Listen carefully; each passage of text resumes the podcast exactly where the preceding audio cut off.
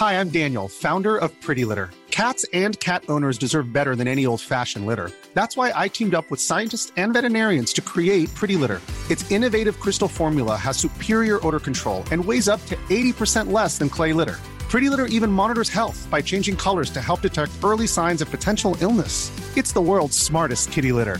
Go to prettylitter.com and use code ACAST for 20% off your first order and a free cat toy. Terms and conditions apply. See site for details. Everyone knows therapy is great for solving problems, but getting therapy has its own problems too, like finding the right therapist, fitting into their schedule, and of course, the cost. Well, BetterHelp can solve those problems. It's totally online and built around your schedule. It's surprisingly affordable too. Connect with a credentialed therapist by phone, video, or online chat, all from the comfort of your home. Visit betterhelp.com to learn more and save 10% on your first month. That's BetterHelp, H E L P. Det kanske är annorlunda som att jag har Android. Ah, du är en Android! Oh my god, det här måste vi prata om! Det var därför jag var exkluderad ifrån Clubhouse när det var som mest hypat.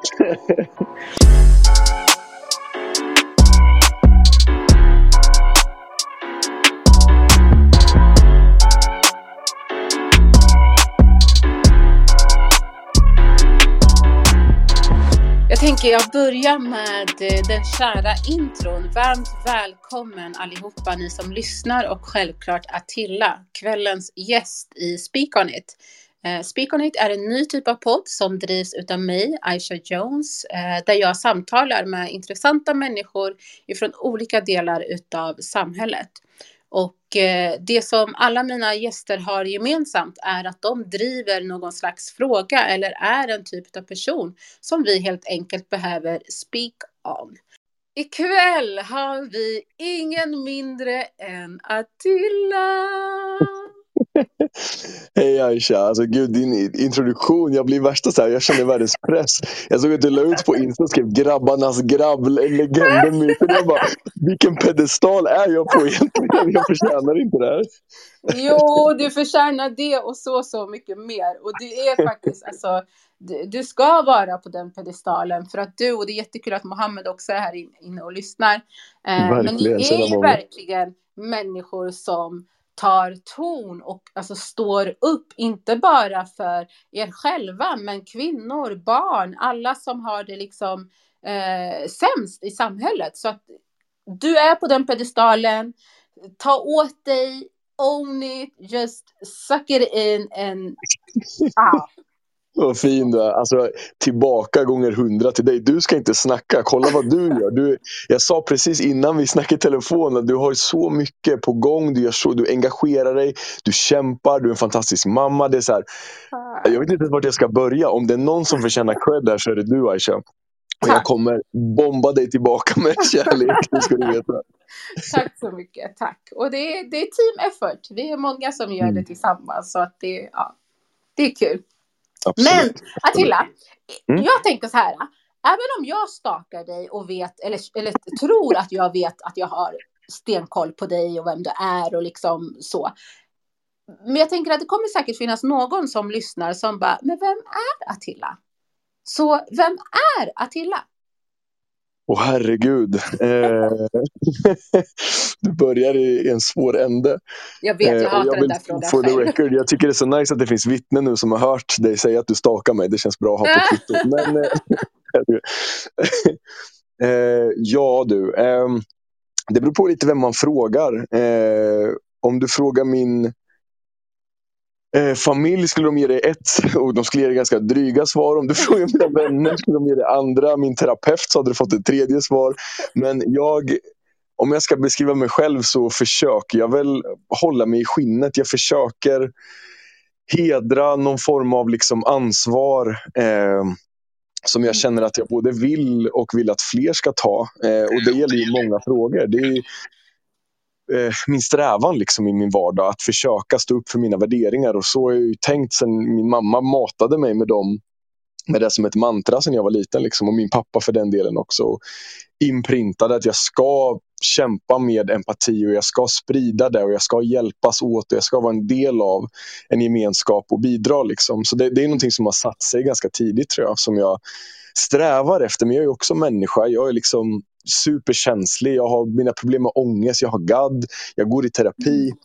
Jag försöker hantera liksom oro och sådana saker i min vardag eh, mm. som jag kämpat med länge. Samtidigt som alltså här, min självbild kanske inte stämmer överens med eh, engagemanget så att säga. Utan det är någonting som jag gör till skillnad från vem jag är. Det, nu blir det ett jätteabstrakt svar på din fråga kanske. Nej, men det var ett jättebra svar och jag har så många tankar kring det. Jag tänker dels det här eh, jag tänker det är väldigt många unga också som lyssnar på podden. Och vad är mm. GAD för någonting?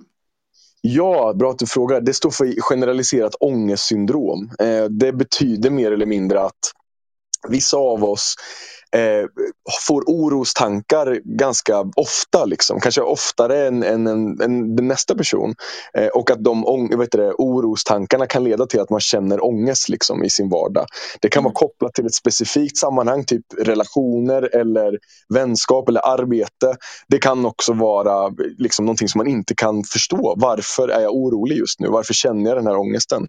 Eh, men ångest är någonting jag jobbat på länge liksom, och, och det här är ju liksom ett en diagnos som jag har fått eh, ganska nyligen som jag eh, arbetar mig igenom liksom, för att kunna hantera oro. Liksom, generellt. Jag får ganska mycket oro. Ibland blir det svårt att hantera det och ibland så funkar det bra. Liksom. Eh, mm. Ja, eh, jättetråkigt att höra och jag tänker att det är ju liksom eh, tyvärr som väldigt många eh, utav oss POC mm. kan ha just det här uh, psykisk ohälsa och så. Så det är jättebra att du har uh, tagit tag i det och fått en diagnos och förhoppningsvis också får hjälp. Du nämnde där i början, uh, din terapeut hade sagt en sak om man frågade den vem Matilda är. Absolut, hon har nog sagt att jag är lite för hård mot mig själv. Men det, det är sånt, vet du, problem som, eh, som jag tror många kan relatera till, att man kan bli väldigt självkritisk. Eh, mm. Det känns både som en blessing and a curse, men jag försöker ju hela tiden bättra mig liksom så, så gott jag kan. Eh, det är en sida av mig. Sen jag försöker jag också liksom se andra sidor. Jag försöker göra mycket av det jag tycker är kul. Jag älskar mina vänner och min familj och värnar verkligen om de relationerna. Eh, och, ja, gå på bio själv typ tre gånger i veckan. Det är jätte... Vissa tycker att det är skumt men ja, jag har lite så här egenheter för mig tror jag. Eh. Kul! När du går på bio själv, vad ser du helst då? Allt. Alltså jag, jag, jag, går på bio själv tills det inte finns några filmer kvar att se. Det är min, det är min vice liksom. Det är min grej som jag, mitt missbruk så att säga. Hellre måste... det än annat. ja, precis. Uh, yes. Du då? Kan inte du, hur skulle du beskriva? Jag tycker det här är så jäkla svårt. Alltså, hur, hur beskriver du dig själv?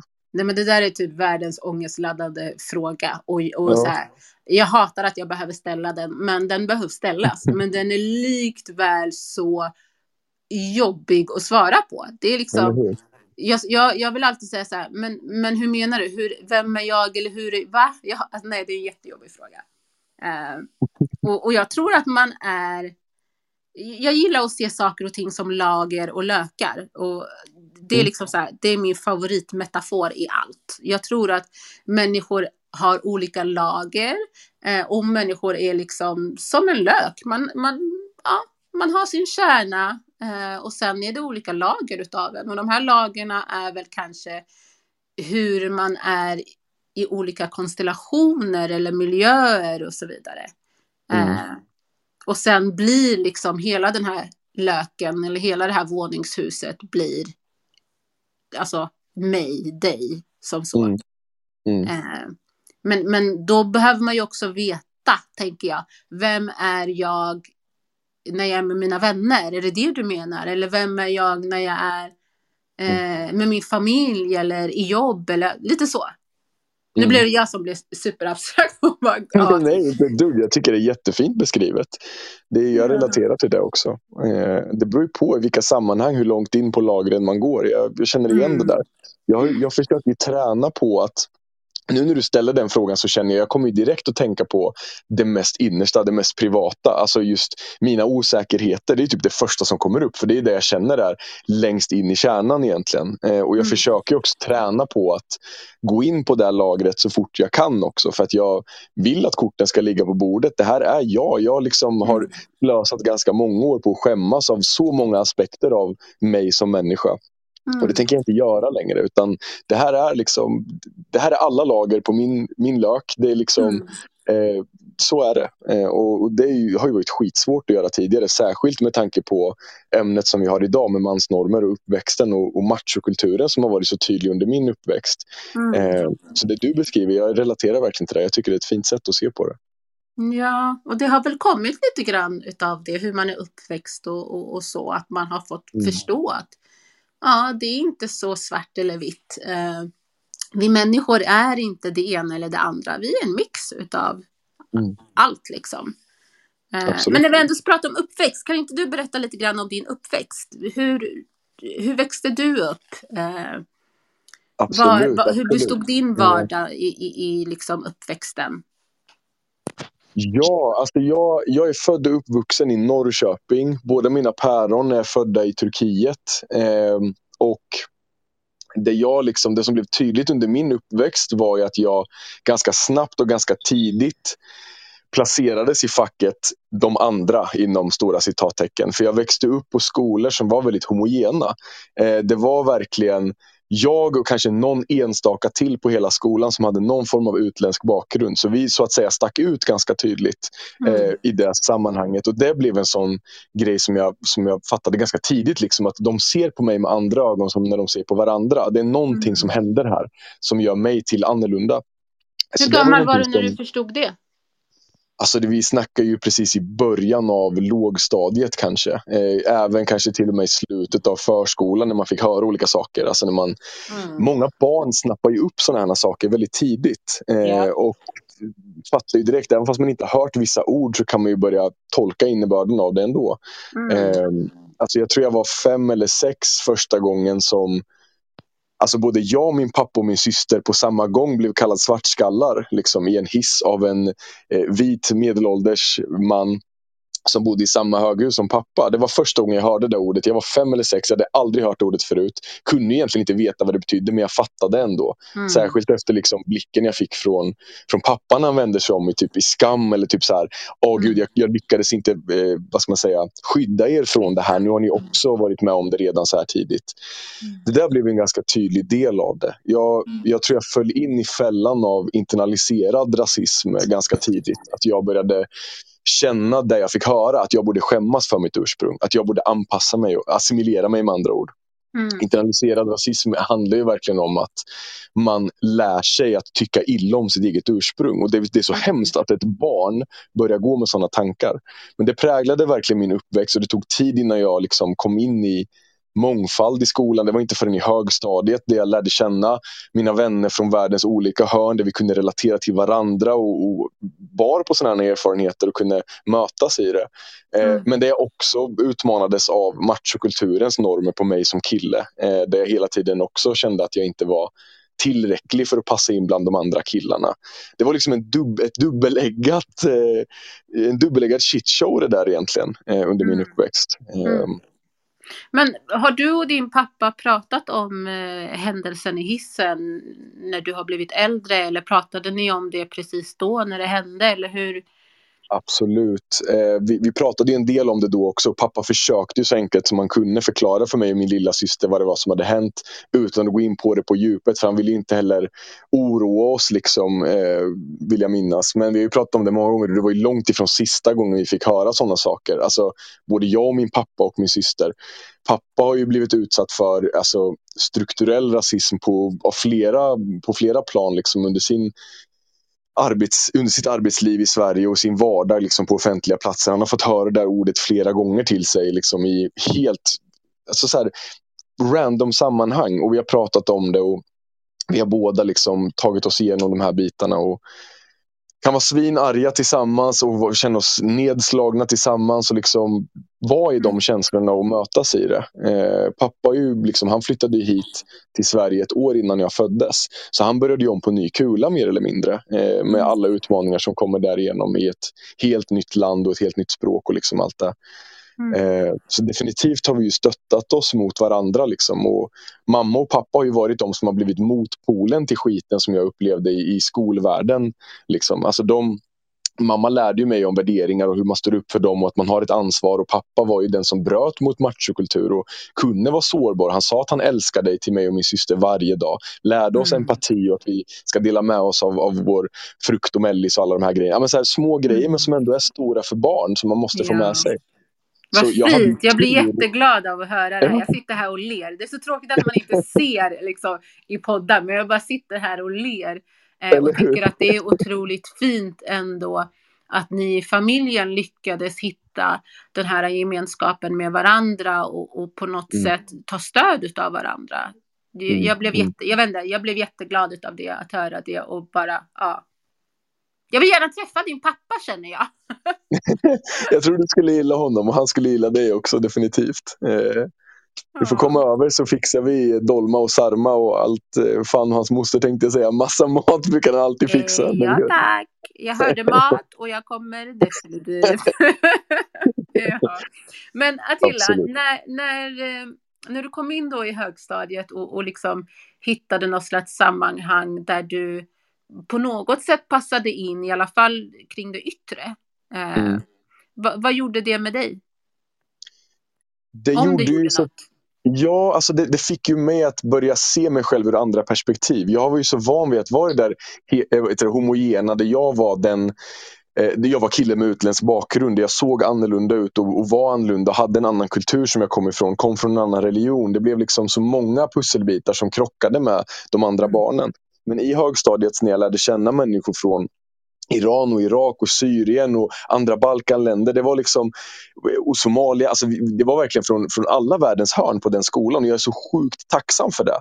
För det behövdes representation för mig att kunna se mig omkring och se ser ni, jag är inte annorlunda. Det är ni som beter er illa. Liksom. Alltså, mm. va, varför har jag slösat så mycket tid på att försöka anpassa mig efter någon, någon form av vithetsnorm eller svenskhetsnorm som jag inte kan anpassa mig till fullo till? Jag liksom mm. försöker liksom dölja aspekter av mig själv. Jag sitter och nöter svenskan så att jag inte ska bryta överhuvudtaget. Mm. Jag kämpar arslet av mig. Men det mm. räcker inte och jag önskar att jag hade fått liksom, inse det tidigare. Eh, och, och hitta en trygghet i mig själv och mitt ursprung istället. Eh, mm. Men den började ju byggas upp då istället. Tack vare mina vänner, tack vare min familj, tack vare min släkt. Liksom som jag, jag närmade mig lite mer min etnicitet, mitt ursprung liksom på det sättet. Eh, det, var verkligen mm. som, det, det, puttade mig fram flera steg helt enkelt att få äntligen få vara i mångfald. Eh, mm. så. Tror du att om du hade fått det här sammanhanget och liksom eh, identifikationen, representationen, tror du att om du hade fått det tidigare, att det på något sätt hade varit en mer positiv påverkan i ditt liv eller eller hade det inte gjort något, ja. hade det inte spelat någon roll? Vad, vad tänker du? Absolut, absolut. Nej, men jag tror att vi, vi alla gynnas av att leva i mångfald. Eh, och om vi kan göra det så tidigt som möjligt så lär vi känna en rad olika människor som har massa olika erfarenheter, olika ursprung, olika eh, liksom kunskaper. Det, det, finns så mycket man kan dela i mångfald och det, det, liksom, det finns en sån kraft i det i sig. Det behövs inte så mycket mer egentligen. Det handlar om att man umgås tillsammans. Man ger och tar, man möts i samtal, i liksom, traditioner, i kulturer. Det, det finns någonting så otroligt kraftfullt i det där tror jag. Att, att växa mm. upp i, alltså det, det, finns ju till och med på papper, det är den här mångfaldsbarometern som, ja. nu blir jag så här nördig eh, Nörda ner dig, vi är alla nördar här, kör på. det, det finns en eh, en grej som kallas mångfaldsbarometern som Högskolan i Gävle gör eh, mm. kontinuerligt. Eh, nej, inte Gävle kanske det inte var. Nu, nu kanske jag säger fel. Men det är en högskola i alla fall. Det går att googla fram mångfaldsbarometern som mäter attityder till mångfald i Sverige kontinuerligt. Och mm. de senaste gångerna så har det kommit fram att ungefär mellan en fjärdedel och en femtedel av alla som bor i Sverige är negativa till mångfald. Alltså Ja. all typ av mångfald. Att man är helt negativt inställd till att det ens finns mångfald i vårt land. Det är alltså var fjärde, var fjärde eller var femte människa vi möter som kan ha den åsikten.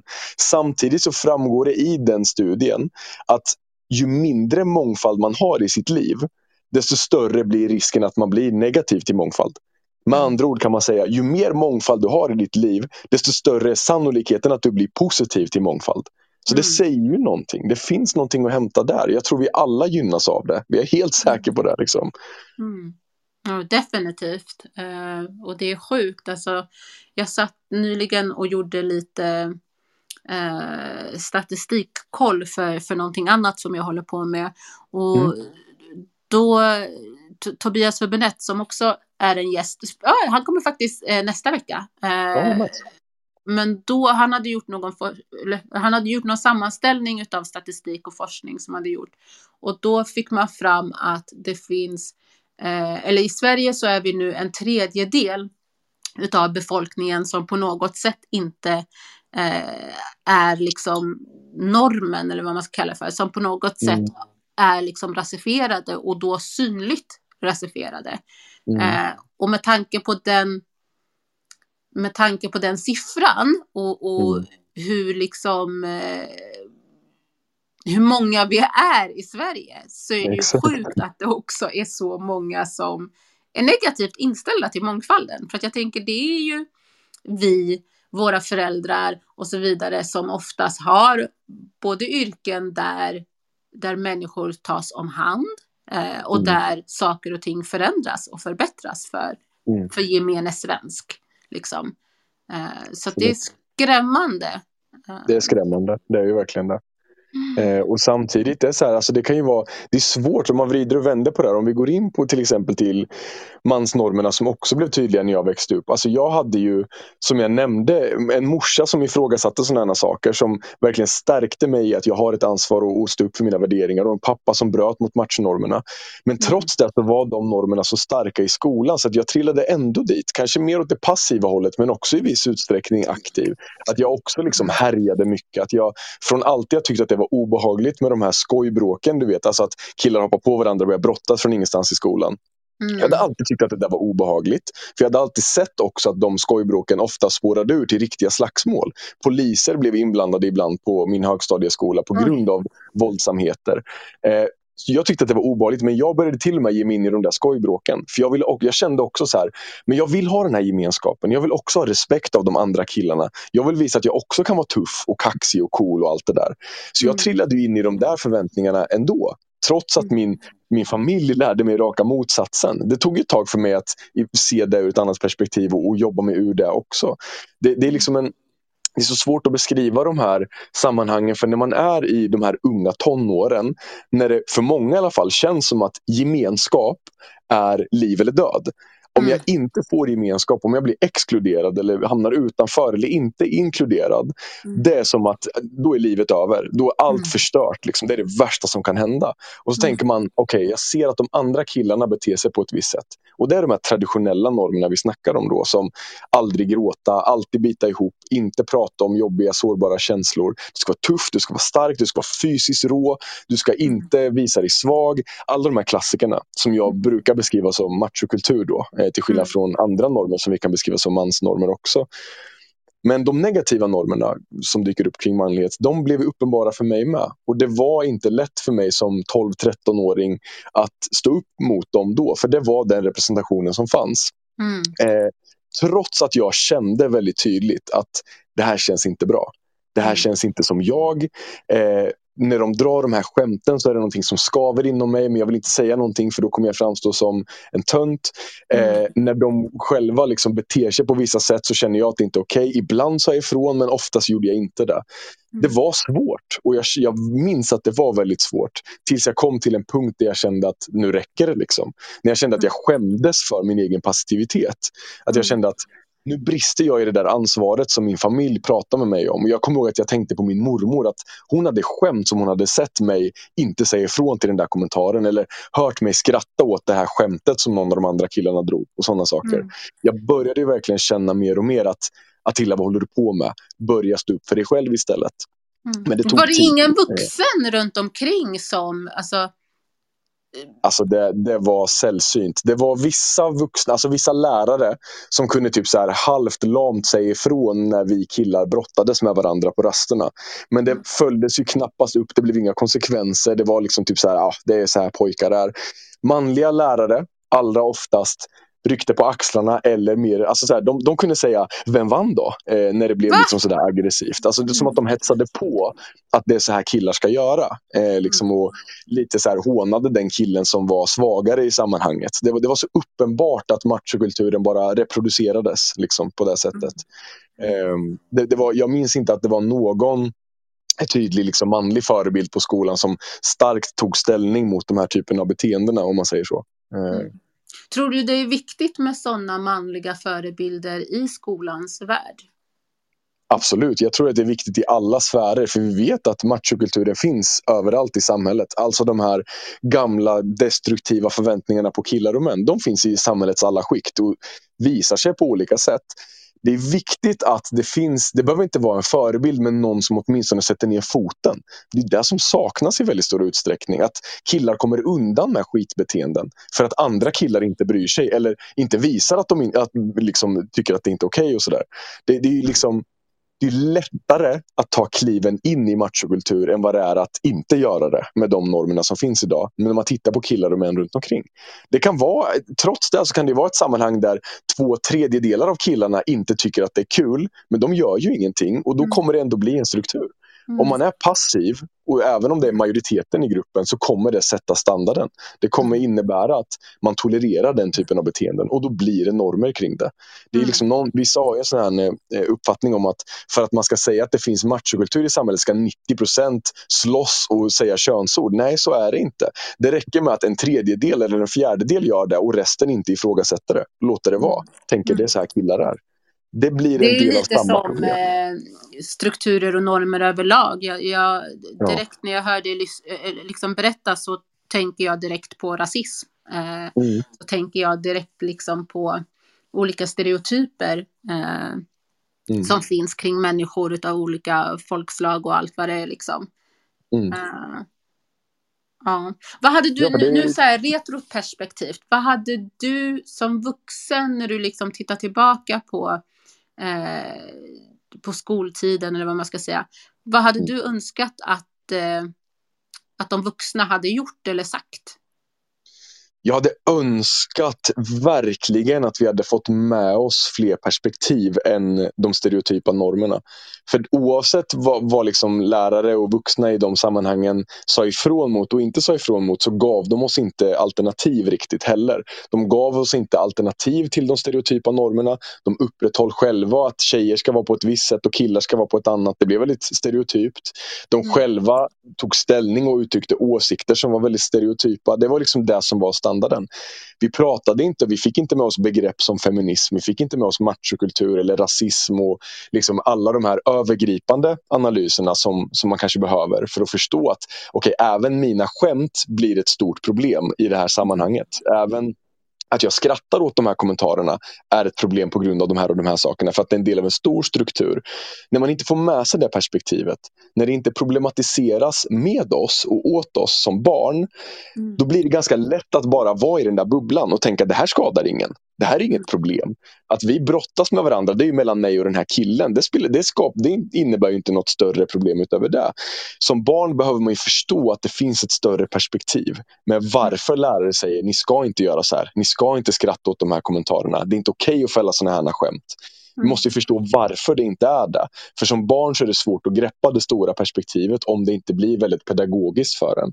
Eh, med det sagt så underskattar jag inte heller barn, eller våran för den delen, förmåga att veta när någonting inte är okej okay heller. Det är, liksom, det är ingen som är off the hook när man är 13, 14, 15 år gammal. Man vet mycket väl när någon går över gränsen. Det mm. skaver inombords. Vi ska inte underskatta det heller. Samtidigt så är det ju det yttersta lagret eh, de vuxnas ansvar att se till så att man har en eh, inkluderande, demokratisk Eh, respektfullt sammanhang. Det är liksom de vuxnas yttersta ansvar. Men man kan också lägga mer ansvar på barn och ungdomar. Att de själva ska göra det här till en process och själva kunna stå upp för sina värderingar. Alltså jag har jobbat på förskolor i vuxen ålder där tre, fyra, femåringar har lärt sig stopp min kropp-metoden som blev väldigt populär. Mm. Alltså när, när fyra och femåringar kan stå upp för sin egen kropp och för sina kompisars kroppar då tänker jag att vi inte behöver underskatta 14 och 15-åringar. De är mm. definitivt kapabla till att ta ställning och det var vi också. Vi mm. duckade ganska mycket ansvar när jag växte upp. Det är uppenbart det med. Jag kommer liksom inte göra några ursäkter för mig själv eller de andra killarna när jag växte upp. Jag är helt övertygad om att de också kände att det skavde. Att vi borde ha mm. gjort annorlunda, att vi inte borde skratta åt vissa skämt och så. Eh, men normen såg ut som den gjorde och det var den lättare vägen att ta. Eh, så är det. Jag tänker, jag ser flera spår här. Dels så tänker jag eh, Många utav dem, kanske alla, kanske också liksom var icke-normativa. Eh, man har redan ett utanförskap och sen som du beskriver, det där blir ju den enda gemenskapen som man har. Då vill man gärna mm. göra som alla andra och så vidare. Hur ska man då våga? Alltså, mm hur ska man då våga exkludera sig själv, om man nu säger så, eh, mm. från ytterligare ett sammanhang?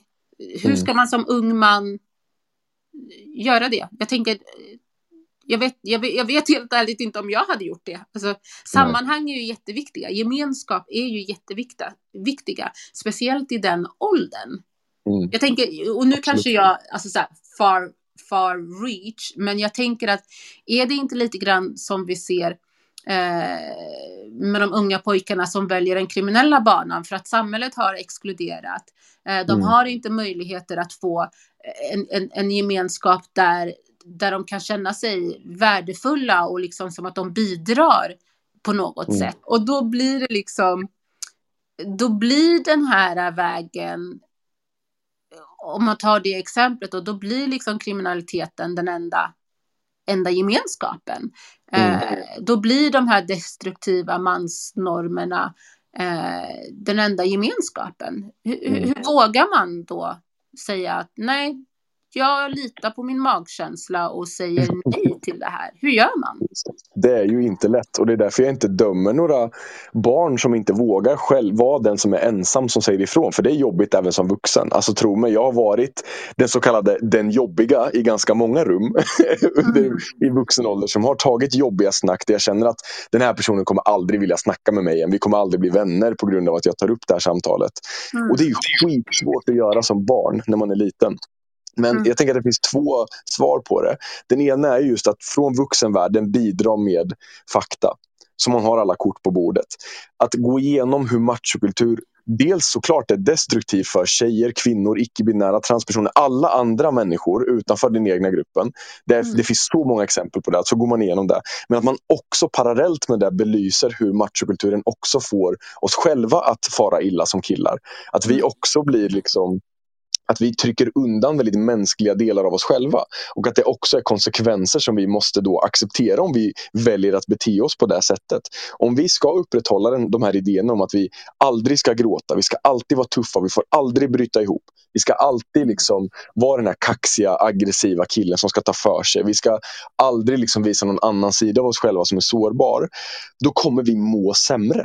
Om vi då börjar må dåligt, får problem med ångest eller blir deprimerade, för det kan alla bli av yttre faktorer liksom i livet. Det är ganska vanligt. Ungefär var tredje kille och man har problem med ångest och oro enligt Folkhälsomyndigheten. 130 000 killar och män går runt ungefär och bär på självmordstankar kontinuerligt i Sverige enligt samma myndighet. 130 000 är otroligt många. Alltså det är ett jättestort problem. Och experterna, alltså forskare, gör ju den kopplingen vi har facit. Det handlar om att inte gå rakt in i machokultur utan bete oss annorlunda. Mm. Alltså att när vi upprätthåller machokultur så mår vi sämre och våra medmänniskor mår sämre. Det är ett ganska tydligt argument kring, utöver att din magkänsla förmodligen skaver, men att det också då blir väldigt uppenbart att det här är destruktivt för alla inblandade parter. Och när man mm. får det med sig så blir det också lättare att tänka, ja, men nu när den här eh, jämnåriga killen med mig säger att det är fel för killar att gråta. Jag har ju precis lärt mig massor om tårars positiva effekt för alla människor. Han ljuger ju eller har ju fel information eller det här stämmer ju inte med mm. verkligheten. Då kanske det till att börja med blir lite lättare att stå emot. Det kanske också som del nummer två i det, blir lättare om vi pratar med de andra killarna som kanske är mer passiva i machokulturen. För det är förmodligen de flesta. Eh, mm. De flesta kanske känner det där är inte okej, okay, men man agerar inte mot det. Då kommer mm. vi hålla med varandra. Och om vi håller med varandra och börjar snacka om de här sakerna, ifrågasätta de här normerna, då kan vi också göra motstånd tillsammans. Och det är där det blir mycket lättare. Om jag inte behöver vara den enda killen i det här rummet som säger ifrån. Om vi mm. istället är två, tre, nästa gång kanske vi är fyra. Nästa gång kanske vi är hälften som bara, nu får ni faktiskt ge er, det där är inte okej. Okay. Då blir det ju svårare för de som ägnar sig åt machokultur att fortsätta med det. Och om det mm. enda vi kan göra är att försvåra så är det vårt ansvar, tänker jag. Eh, och det blir lättare att känna det och ta det ansvaret om man inte är helt ensam. Eh, det är inte alltid lätt, det kan ju vara lättare sagt än gjort naturligtvis. Mm. Ja, men det där var väldigt, väldigt mäktigt. Uh, ja. Uh, jag tänker, nu då? Du, du gör ju otroligt mycket. Du är ute och kvinnostrejkar, du är ute och föreläser. Uh, om jag inte minns fel så har du väl skrivit en bok också? Ja, men precis. Mansboken. Det var ju två, tre år sedan den släpptes. Ja. Tiden går fort. Det går jättefort, men den är fortfarande högst aktuell, tänker jag. Tack, kanske. Om inte mer nu med pandemin och hur det liksom... Eh, för det, man har ju sett att liksom med pandemin så har det ju också ökat liksom mäns våld mot kvinnor och barn mm. som blir utsatta. Jag tänker att boken är ju fortfarande otroligt aktuell. Så kan vi inte göra lite shameless promotion för den? Berätta. tack Kajsa, tack. Eh, nej men Mansboken heter den. Undertiteln är Från en kille till en annan. Och Det är ju som en så här, man kan kalla det handbok, man kan kalla det inspirationsbok eller debattbok om just machokultur och manlighet. Liksom. Jag har skrivit den för att sammanfatta många av de här aspekterna och göra den boken lättillgänglig. Framförallt för unga män, unga killar, men för egentligen vem som helst. För äldre män och killar för den delen också. Eller för kvinnor och icke-binära som lever med killar eller som har en son eller liksom vem som helst. Just som en sammanfattning om machokultur, vad den har för konsekvenser och hur vi kan stoppa det. Eh, och mm. varför framförallt vi ska stoppa det. det, det är liksom, jag går igenom konsekvenser som psykisk ohälsa, eh, överrepresentation i självmordsstatistiken, sexism, sexistiska hatbrott. Det handlar om liksom så här, skev syn på samtycke, om homofobi som är kopplat till manlighet. Det, det är liksom så många mm. aspekter av det som, eh, som går hand i hand. Eh, det jag dels är väldigt personlig och delar med mig, som, som vi gör i det här samtalet, om mina personliga erfarenheter av machokultur men också intervjuer med forskare och experter men också några som jag betraktar som förebilder i olika delar av den här, den här typen av frågor. Eh, alla, så här, Börje Salming, hockeylegendar som har nu i vuxen, eller så här, äldre dagar lärt sig att gråta för första gången och börjar ifrågasätta de här strukturerna. Som har sett som typ så här macholegend verkligen i alla år. Hela mm. vägen över till liksom, ja, men så andra personer som verkligen eh, har gjort insatser i, i den här typen av frågor. Så gud vilket långt svar jag gav på din fråga. Men, är jättebra. Vart hittar vi boken då? Den finns på bokhandlarna online. Liksom. Eh, Adlibris och Akademibokhandeln och alla de där rackarna. Eh, nice. Går att beställa. Yes. bra. Och jag tänker så här, framåt då. Vad, vad, vad drömmer du om? Vad är din största dröm just nu? Oj, det är liksom det är högt som lågt. Jag, en av mina drömmar är att det ska komma fler eh, av Marvel Spiderman-filmer. En annan är jämlikhet ja, i samhället. Det, är så här, du vet, det finns ett brett spektra där. Men eh, nej, jag drömmer ju om att se, alltså de ungdomarna som jag möter när jag föreläser Oavsett om det är antirasism eller machokultur. Alltså de, Aisha, de, de släpper begrepp som jag inte hade någon jävla aning om när jag var i deras ålder. De snackar om intersektionella analyser. Jag bara, mm. hur lärde du det där? Du är 12 liksom. Min, en av mina drömmar är att se vart de tar sig. Alltså när de kommer upp i våra åldrar, vad har de åstadkommit? När vi ser att det, mm. medvetenheten är så mycket högre idag bland ungdomarna. Samtidigt som vi ser att det finns en parallell backlash, utan tvekan. Det går ju inte snabbt framåt om man säger så. Mm. Men det är så hoppfullt att se att medvetenheten ökar. Och jag tror mm. ju verkligen på ungdomarna. Jag tror framförallt på andra killar att det kommer bli vanligare och lättare att stå emot machokultur framöver. Det är min förhoppning och min dröm. På samma mm. sätt som jag inte vill att någon ska liksom missgynnas eller drabbas, trakasseras, hotas, utsättas för våld på grund av sin könsidentitet eller funktionsvariationer eller sexualitet. Alltså alla de här skevheterna som vi borde vara förbi. Det är liksom därför jag blir worked up i de här frågorna. Det är därför jag engagerar mig. Det är för att jag ser vikten av det här enorma samarbetet. Liksom. Och jag ser att det kommer med positiva effekter när det blir fler och fler som engagerar sig. Men vi måste bli fler. Eh, men jag drömmer ju om ett samhälle där vi inte ens behöver ha de här samtalen. Det gör mm. ju verkligen. Där vi bara kan snacka om Marvel-filmer. Eh, och, och huruvida det är okej okay att gå på bio tre gånger i veckan eller inte. Liksom. Det är helt okej. Det är helt okej att gå på bio tre gånger i veckan så länge du ser Marvel-filmer. Fast sen Exakt. misstänker jag att det kanske inte finns så många Marvel-filmer ute på bio just nu. För att gå Gör inte det. Det är därför man går och ser samma om och om igen som en jävla... ja. oh, gud vad kul. Nu har vi någon som vill eh, säga någonting här. Varmt välkommen. Vad vill du säga? Hej, uh, jag följer dig Attila på Instagram och du är en jättestor inspiration. Oj, tack. Uh, Vad fint. Tack. Jag har inte läst din bok, men det beror mest på att jag inte läser så mycket böcker. Ingen fara. Tyvärr. men jag undrar lite om, och jag kom in lite sent så jag vet inte om det är någonting som redan har tagits upp, men um, jag tänker lite så här, det är två frågor egentligen. För att dels mm. är det kring vad jag upplever eh, exempelvis här på Clubhouse um, och i andra sammanhang eller i sociala medier. Um, att den gruppen som kanske är svår att nå fram till mm. Har ju en annan upplevelse. Det känns som att de nästan liksom så här har en oro och som att det känns som att det är någonting som kommer tas ifrån dem. Um, och mm. för andra kanske det är så här, för den som från början inte känner att de um, uh, kan liksom identifiera sig med uh, den norm som har varit så kanske det är mm. jätteskönt. Men det blir ju lite också som att um, om man ska göra de här förändringarna så behöver ju de här männen och killarna försöka hitta en ny identitet eller relation till maskulinitet. Mm. Är det någonting som liksom, ni har samtal om eh, utifrån liksom så här, eh, ditt arbete? Ja, men vilken bra fråga. Och det är liksom, jag relaterar ju verkligen till det du beskriver och det möter jag också i min vardag när jag liksom lyfter den här typen av frågor i olika sammanhang. Att, så här, för att generalisera så, så möter jag ganska ofta ändå den här, precis som du beskriver, någon form av defensivitet kring det. Som att jag står och säger du får inte vara kille längre eller man får inte vara man längre. Eller att all manlighet är fel. Man får tycka vad man vill om könsnormer. Eh, jag, tänker inte att någon ska känna att jag måste göra och vara exakt de här sakerna för att ens räknas som en man. Där vänder jag mig emot det. Däremot så finns det ju grejer kring mansnormer som man faktiskt kan förvalta som att vara självsäker eller vara lojal eller finnas där för sin familj. Eh, alltså sådana också andra typer av mansnormer som dyker upp men det ska inte vara ett krav för att man ska kunna ses som en man.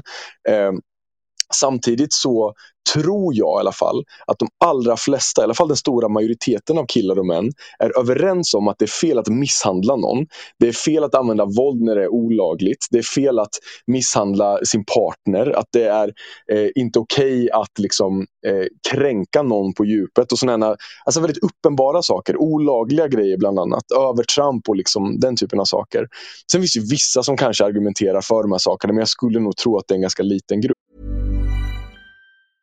Hiring for your small business? If you're not looking for professionals on LinkedIn, you're looking in the wrong place. That's like looking for your car keys in a fish tank.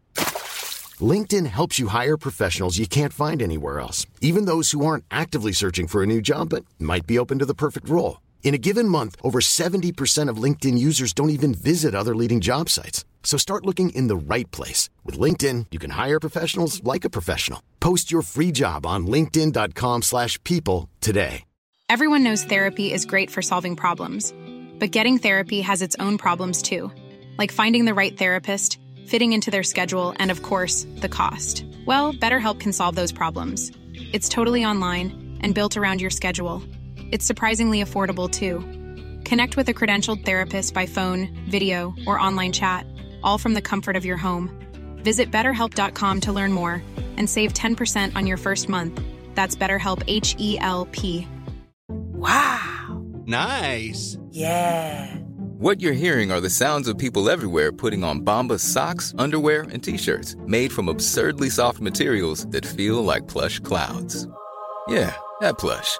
And the best part? For every item you purchase, Bombas donates another to someone facing homelessness. Bombas. Big comfort for everyone. Go to bombas.com slash ACAST and use code ACAST for 20% off your first purchase. That's bombas.com slash ACAST. Code ACAST.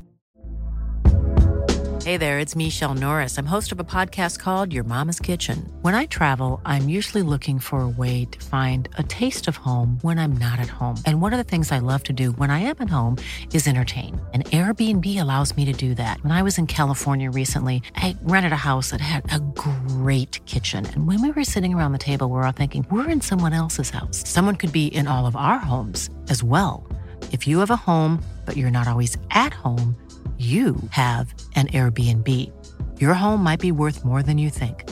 Find out how much at airbnb.com/slash host.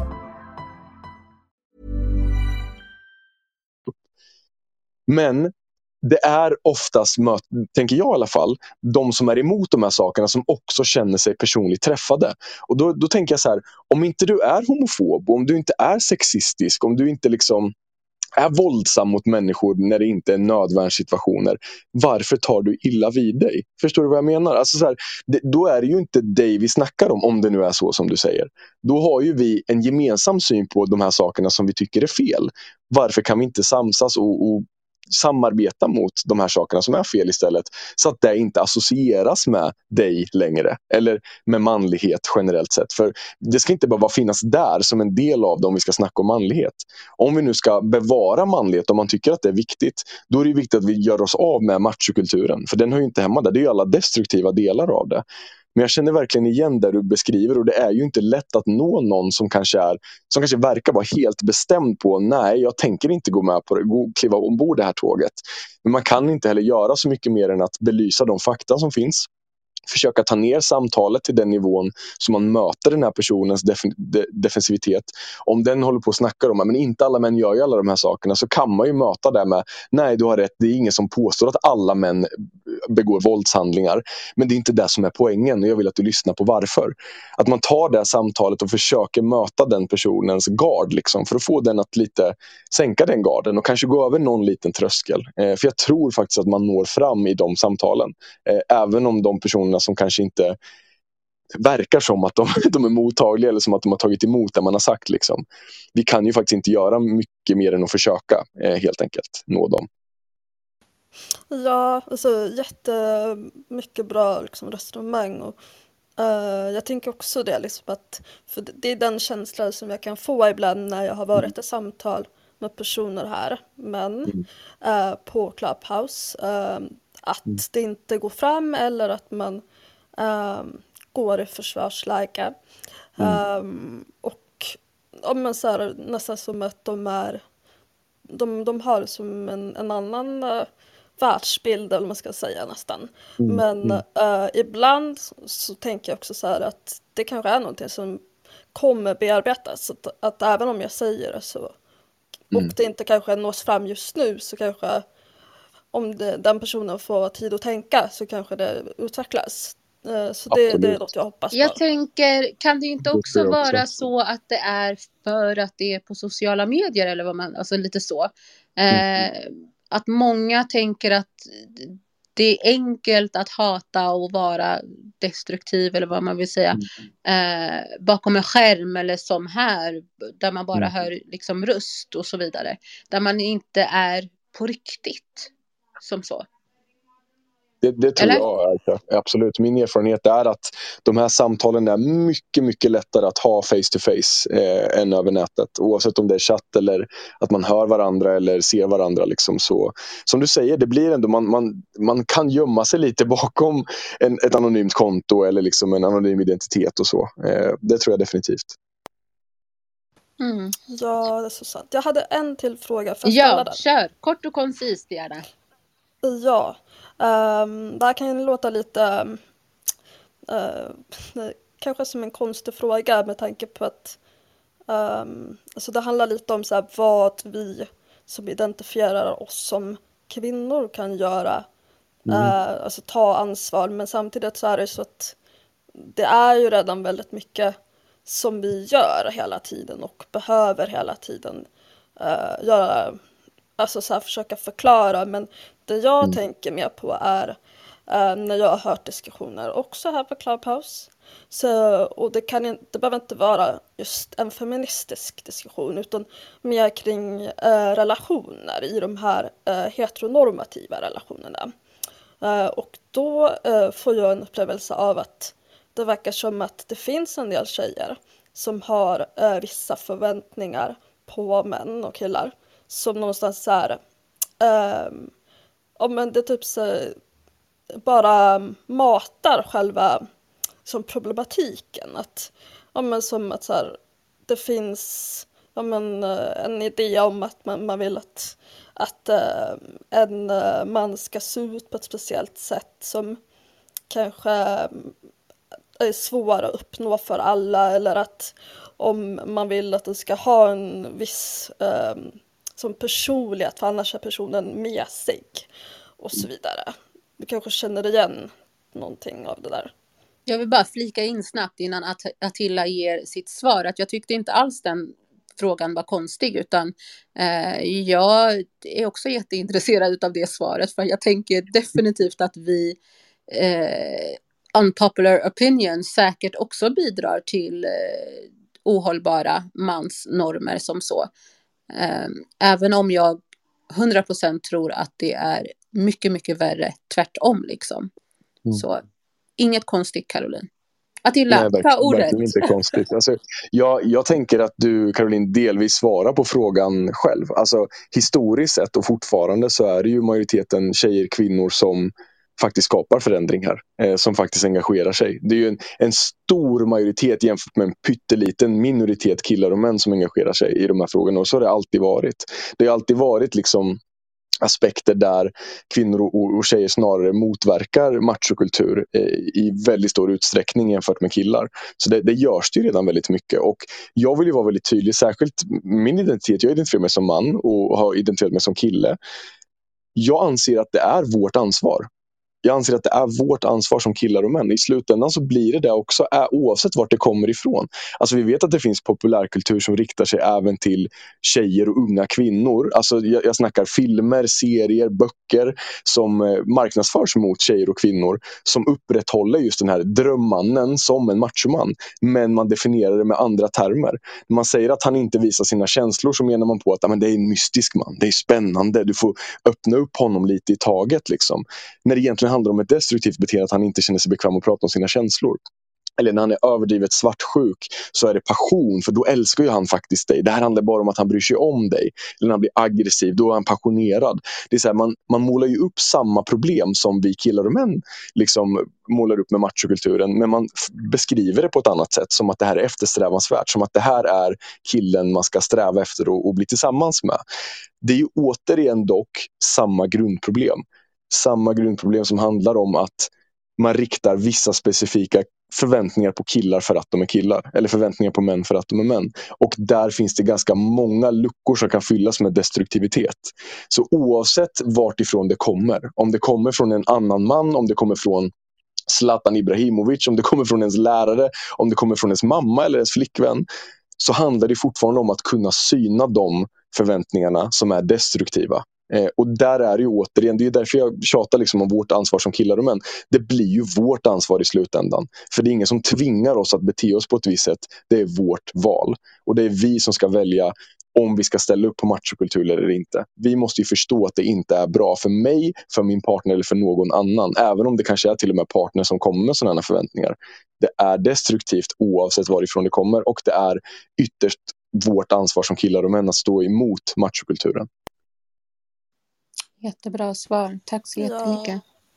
Tack. Ja, men det Tack var allt jag hade egentligen. Och, uh, jättetack för uh, alla svar och uh, jättefint att höra allting och någonstans få bekräftat lite på vad man själv går runt och tänker på så att man inte bara så här, går och antar um, någonting. Att det, det kanske bara är jag som upplever att det är så här eller mm. uh, att det någonstans. För du verkar ändå liksom förutom att du är kille så är du, har du ju liksom ett engagemang. Eh, så jag tänker liksom att då, då har du också en annan kunskap. Så det, det är jätteskönt att, att få det bekräftat också. Jag hoppas det och tusen tack för dina ord, verkligen.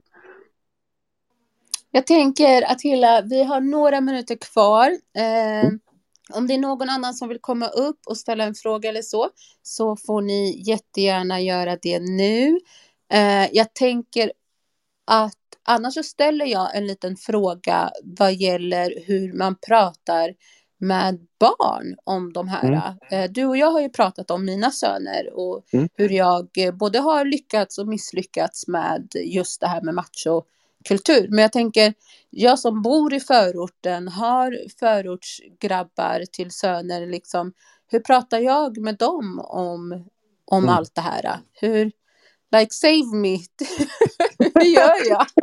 alltså gud, jag har sån, sånt fullt förtroende till din förmåga som förälder. Alltså, det är inget tvivel om den saken. Eh, det handlar ju om Eh, så här, när, när jag har jobbat på förskolor, vi går tillbaks hela vägen till den åldern, alltså ganska tidigt. De har precis börjat lära sig att prata. Vi snackar 3, 4, 5 år gamla. Redan där har jag hört barn repetera stereotypa normer. Killar ska gilla tjejer. Eller killar ska tycka om såna här saker. Eller killar ska inte gråta. Så hör man ju att de bara repeterar någonting som de har hört från, från vuxenvärlden någonstans. Mm. Men de redan där är ju som svampar och suger åt sig alla förväntningar de blickar ju mot vuxenvärlden för att försöka förstå hur borde jag bete mig för att få den här gemenskapen och tryggheten och allt det där. Eh, det handlar ju om att förstå att redan där så har ju de börjat roffa åt sig massa förväntningar och har redan börjat formas av sin omgivning. Och att ha de här samtalen öppna tror jag bara är liksom en, en ganska bra nyckel. Eh, så som vi har haft, som, alltså jag och mina kollegor när jag jobbat på förskola, att vi har öppna samtal om det här. Eh, att man ställer frågan, tänker ni att killar bara ska eh, kunna gilla tjejer? Och sen kanske någon säger ja, någon säger nej och sen så har man det samtalet. Nej men det är klart, killar killar killar och tjejer kan gilla tjejer. Och det finns de som inte ser sig som kille eller tjej. Vad, vad tänker ni då? Liksom? Och, ja, men de, de kan man ju också bli intresserad av. Och, ja, men så att man verkligen bara öppnar de här samtalen så mycket som möjligt, så tidigt som möjligt. För följer man det spåret sen när de växer upp och har de här öppna samtalen som inte är dömande, som inte är stereotypa eller där man faktiskt kan vrida och vända på alla de här normerna tillsammans, då tror jag att man kommer ganska långt. Då lär man ju i praktiken eh, kidsen själva att vara normkritiska. Och ett första steg i att motverka machokultur själv eller motverka rasism och sådana strukturer, det är att kunna se strukturerna. Att kunna se mm. normerna och förväntningarna framför sig så att man kan bete sig annorlunda. Istället för att mm. tänka att det finns bara ett sätt för mig att vara på. Det finns bara en typ av relationer som jag kan vara i. Eller liksom så. Eh, om, om du förstår vad jag menar. Alltså att man mm. öppnar de dörrarna hela tiden. Eh, och lär dem att kunna öppna de dörrarna och se alla normer framför sig. Så man har alternativ hela tiden eh, mm. att kunna gå på. Och kunna mm. ifrågasätta de som är destruktiva helt enkelt. Eh. Mm. Ja. Eh, Tack så jättemycket. Vi har någon annan som har en fråga eller någonting att säga. Varmt välkommen. Mm. Tack. Eh, för det första vill jag tacka för den här programmen ni har, det här rummet. Eh, Attila är en förebild för, för många av oss faktiskt. Ja. Jag följer honom på alla sociala medier. Mm. Jättefin verkligen. Förebild all the way. Eh, jag tänkte bara kommentera på det du sa tidigare med machokulturen. Och jag håller med dig verkligen till punkt och prick fram tills dess att du sa att eh, det är ingen som tvingar oss att vara liksom en del av den machokulturen eller bete, sig, bete oss på det sättet. Jag mm. håller med, det är ingen som tvingar oss egentligen, men de här normerna som finns som, mm. Mm. som tvingar oss in i den, liksom den kulturen. Jag har själv mm. lyckats ta mig ur den, men jag ser att folk är fortfarande kvar i den, för det finns förväntningar, det finns liksom Mm. Det finns bara något du måste, du måste förhålla dig till i samhället. Och kan du kommentera det? Finns det något vi Absolut. kan göra? Absolut, och tusen tack för dina ord. Jag uppskattar det sjukt mycket. Och jag eh, menar det verkligen. Du är guld värd, Attila. Tack, tack så jättemycket. Vad fint av dig. Förstår... Du ser, det är inte bara jag som jo, fangirl jag, jag, förstår, jag förstår inte. Jag förstår att det här rummet inte är fullt. Alltså Attila är här, förlåt. 100 procent. Men jag, jag måste ju också säga, jag, kommer också, alltså jag kan också säga det att eh, vi har mer lyssningar när det väl går ut på liksom Spotify och alla sådana här det, saker. Det. Folk är snåla med sina tisdagskvällar alltså. jag är jätteglad att ni är här och jag är glad att få vara här också. Och Aisha, verkligen all cred till dig. Eh, till din fråga, alltså det, jag, jag, är helt säker på att för de allra flesta så upplevs det som ett tvång. Särskilt när man är barn eller ungdom. Det upplevs ju verkligen som att jag har inget val. Det här är det jag behöver göra. För det finns inga alternativ. Det är det här jag presenteras. Men det jag menar när jag säger att, eh, att vi inte tvingas in i det, det handlar om det sista steget. Det är det som blir skillnaden mellan att, att kunna ta ansvar eller att anse att man är ansvarslös.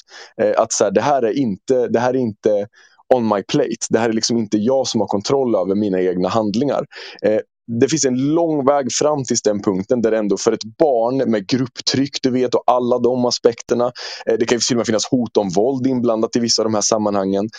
Men i det allra, allra sista så har vi alltid ett val. Och det är lite där jag menar då. Det är viktigt att göra den distinktionen tänker jag. För annars finns det ju, annars kan man ju bara liksom ursäkta sig och säga machokulturen made me do this. Det här är inte mitt fel liksom, eller det här är inte jag. Eller det här är ingenting som jag behöver ta ansvar för, för det var någonting som jag tvingades till. Det kan såklart finnas sammanhang som till och med liksom så här, polis eller en annan rättsinstans bedömer som tvång. Liksom. Att du faktiskt tvingades under hot att göra saker. Men jag tror inte att de flesta machokultursammanhangen faktiskt handlar om ett reellt hot till ditt liv om inte du utför de här sakerna. Eh, det finns naturligtvis sådana situationer också som man ska ta på allvar, som sker naturligtvis. Men i slutändan så har vi alltid ett val. Eh, och, och det, det, var lite mest där jag ville poängtera eh, med, med den formuleringen. Jag hoppas att det blir tydligt vad jag, vad jag menar då. Eh, Jo, jag förstår det. Jag håller med dig faktiskt. Mm. Jag, jag personligen tror att lösningen är att vi, vi killar, vi män, behöver fler förebilder. Vi behöver män som mm. går ut och mm. snackar om det här och liksom tar det bull by horn. Vi kommer inte komma längre om vi bara liksom ska förlita oss på varandra. Vi behöver flera Attila, vi behöver flera, ja, you name it, sådana som du. Vi behöver fler som du. Det här är teamwork. Det här är liksom samma som Aisha. Alla vi som tar tag i de här frågorna. Det är liksom, precis som du säger, jag håller med dig till 100 procent. Det ska vara självklart att stå upp mot de här sakerna. Det ska vara svårt att ge sig in i machokultur, inte lätt. Eh, men då måste vi bli många fler. Och jag är så glad att du också tar ställning och liksom luftar de här tankarna och, och liksom pratar öppet inför fler. Det är all cred alltså. Supertack för det. Och sista kommentaren bara det här med machokulturen och alla de här problemen som finns, det är liksom det är ett mansproblem. Och därför behöver vi flera män. Tacksamt Aisha, så vi, jag ser upp till dig också jättemycket. Mm. Inget illa menat, men vi behöver flera män som visar oss män var vi ska vara. Vad menar du? Att jag inte är tillräcklig? Nej, nej absolut inte. Absolut inte. Men tyvärr, den sociala hierarkin ser ut på det sättet. Alltså, jag personligen kanske inte ser det så, men jag vet att det är så i samhället. Så vi behöver mm. flera, speciellt flera män som faktiskt visar oss vägen, tror jag. Tack för mig. Tusen tack. Tusen tack. Tack själv. Eh, det är så fint när ni allihopa eh, kommer upp och säger någonting. Och ni är jättemånga som skickar meddelande till mig med kärlek och pepp till Attila. Det är jättekul och jag tror att Attila hade uppskattat det otroligt mycket om ni kommer upp och säger eh, det direkt till honom. Men för de jag som att jag inte... blir helt överöst med positivitet där liksom. ja, alltså vet du hur många det är som har DMat mig och bara ja, alltså han är så grym! Så att jag vill bara säga det också. det är absolut inget måste att ni kommer upp och säger det, självklart. Eh, men Attila, så du vet, min DM går varm nu med folk som eh, hejar och peppar och liksom bara, ja, kärlek. Eh, och ni är jättevälkomna att bara komma upp och säga liksom det också. Jag tänker att näst på tur, eh, broder Mohammed, dig outar jag vare sig du vill eller inte. Varmt välkommen. Hej Mohammed din jävel. Hej, hej Attila. Don't sue me. ja, nej men herregud, man sitter här i ett mörkt rum, jätteskönt, lyssna på er. Alltså, det, jag sa redan på Insta, två favoriter som möts. Det är alltid liksom eh, härligt att man får möjligheten och får tiden. Uh, Attila, broder, välkommen. Clubhouse har lugnat ner sig, har blivit klokare. Det var ett helvete förra året. Så du ska vara tacksam. Det? Tack bror. Jag, jag blev ju exkluderad på grund av att jag hade en Android-telefon så jag missade hela Clubhouse-hypen. Det kanske var för det bästa då? Det är för det bästa skulle jag säga. Okay. Herregud, man var slutkörd i slutet av december. Okay. Ja, det var mycket. Ja, men verkligen. Nej, men Attila broder, jag har mött dig, inte i verkligheten. Det här är jätteintressant ändå. Jag jag tror inte vi har mötts i verkligheten, men vi har följt varandra mm. i flera år. Eh, mm. Inte bara just i den här frågan. Eh, det som, när jag fick upp eh, Attila i, eh, Attila i min, mina rader, det är liksom hur jag har sett hur han bemöter en område som Järva, mm. hur han skapar tillit till, till människor. Och framför allt människor som har varit med i en oerhörd sorg. Mm. Och mm. faktiskt på ett bra sätt lyckats med att eh, få bukt på den här myten om att eh, människor vill inte prata med journalister. Eh, utan att det handlar mer om journalisten än den personen som blir intervjuad. Eh, jag kommer alltid minnas när jag liksom får träffa människor som du har intervjuat, eh, som har känt sig eh, trygga. men också framför allt känner igen sig i texten i efterhand. Ehm, men nu är du ju här i av dina hjärtefrågor och som jag också delvis brinner för. Eh, oh shit, nu kommer Ungsta. Ja, Kram, stäng dörren. Ehm, jag har ju två grabbar hemma, en sexåring och en treåring. Ehm, ändå när man är pedagog i grunden så hjälper det inte ett dugg vad som händer hemma. Och jag liksom tänker låta dig spå ändå framtiden. Ish, vad tror du att vi är i Sverige, men också lite globalt om 50 år? jag ska hjälpa dig snällt gubben. Eh, ja. 15 år när det liksom kommer till, alltså det är, det är massa saker. Det är liksom, eh, det är tv, det är spel. Alltså jag en snart sexåring som pratar om muskler. Eh, på ett helt annat sätt än vad han gjorde för två år sedan. Eh, just för att han liksom tar till sig massa saker. Eh, det finns en, en äldre generation, må de leva länge, men ändå samtidigt krocka med våran samtid.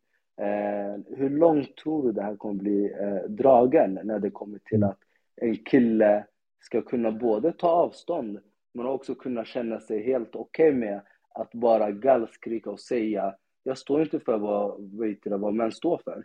Eh, och liksom känna sig nöjd med det utan att liksom, ja, du vet, springa runt i personalrummet, eh, känna sig obekväm för att inte skratta med, etc. Eh, etc. Vart är vi om 50 mm, år? Mm. Och eh, sist men inte minst, du är älskad, alla ser dig. All lycka med allt arbete du gör. Oh. Alltså Mohammed, herregud alltså. Först och främst, alltså vad fin du är. Jag blev rörd av dina ord. Jag uppskattar det så sjukt mycket. Jag skulle kunna snacka hur länge som helst om journalistbranschen. Det finns väldigt mycket skevt där som jag också har känt att, jag, att det behöver bli ändring på. Eh, det handlar om att möta människor först och främst och det är någonting som jag alltid har strävat efter att göra. Så dina ord betyder jättemycket för mig. Jag uppskattar det sjukt mycket. Tusen tack bror. Och till din fråga. Jag, jag är faktiskt, jag kan vara cynisk i massa andra sammanhang men jag är hoppfull inför framtiden och det handlar om att jag No, alltså så här, jag, jag är arbetsskadad journalist. Jag kollar på alla rapporter som kommer hela tiden. Jag nördar ner mig, jag grottar ner mig i alla liksom, nya undersökningar. Och samtidigt som jag ser att vissa mönster i vissa, I vissa av de här aspekterna blir värre, så ser jag att andra står still, att det inte blir någon förändring. Men jag ser också att saker förändras till det bättre. Jag ser den förändringen när jag möter ungdomar idag. Oavsett vilka områden vi snackar om, så möter jag en högre medvetenhet, en större vilja att förändra och vara en del av en gemenskap som bygger på jämlikhet snarare än någonting annat. Så jag är faktiskt hoppfull. Jag ser fler och fler killar engagera sig, jag ser fler och fler tjejer bli stärkta i sitt engagemang, fler och fler icke-binära transpersoner som tar ställning, hittar givna sammanhang, som får liksom en gemenskap som borde vara given från första början. Jag ser alla de här framstegen. Det går långsamt, men jag tror om 50 år att vårt samhälle kommer vara betydligt mer jämlikt än vad det är idag. Jag hoppas det i alla fall. Eh, och Det är verkligen baserat på det hoppet och, som jag får av ungdomarna som jag möter. Ungdomarna som jag har samtal med. Liksom. De, de ger mig det hoppet. De får mig att se ljust på framtiden ljusare än vad jag gjorde för några år sedan innan jag började möta ungdomar i de här frågorna. När jag mest skrev. Liksom. Och visserligen fick kontakt med olika människor, men just den gruppen gör mig väldigt hoppfull. Eh, definitivt. Då vill jag bygga på det här. Eh, tror du att det kommer krävas 50 år? Jag blir jättedeppad av den siffran. 50 år, det är väldigt. Jag ledsen alltså, men jag, jag tror vi jag tror vi snackar minst 50 år. Alltså. Det, det här är processer som går skitlångsamt. ja, exakt. Det var snällt med 50. Ja, det, är, det, det går jättelångsamt. Wow. Det är så många aspekter som måste klaffa. Det handlar om arbetsmarknaden, det handlar om representation, det handlar om alltså, allt ifrån antirasism till feminism. Det är så många aspekter som måste klaffa för ett jämlikt samhälle. Jag, jag tror det är det kommer ta lång tid. Det går alldeles för långsamt och det är fortfarande alldeles för få som är engagerade vi har för många som ser sig som att man, man är emot rasism och det räcker. Eller man är emot sexism och det räcker. Vi måste bli aktiva motståndare och det är det som saknas.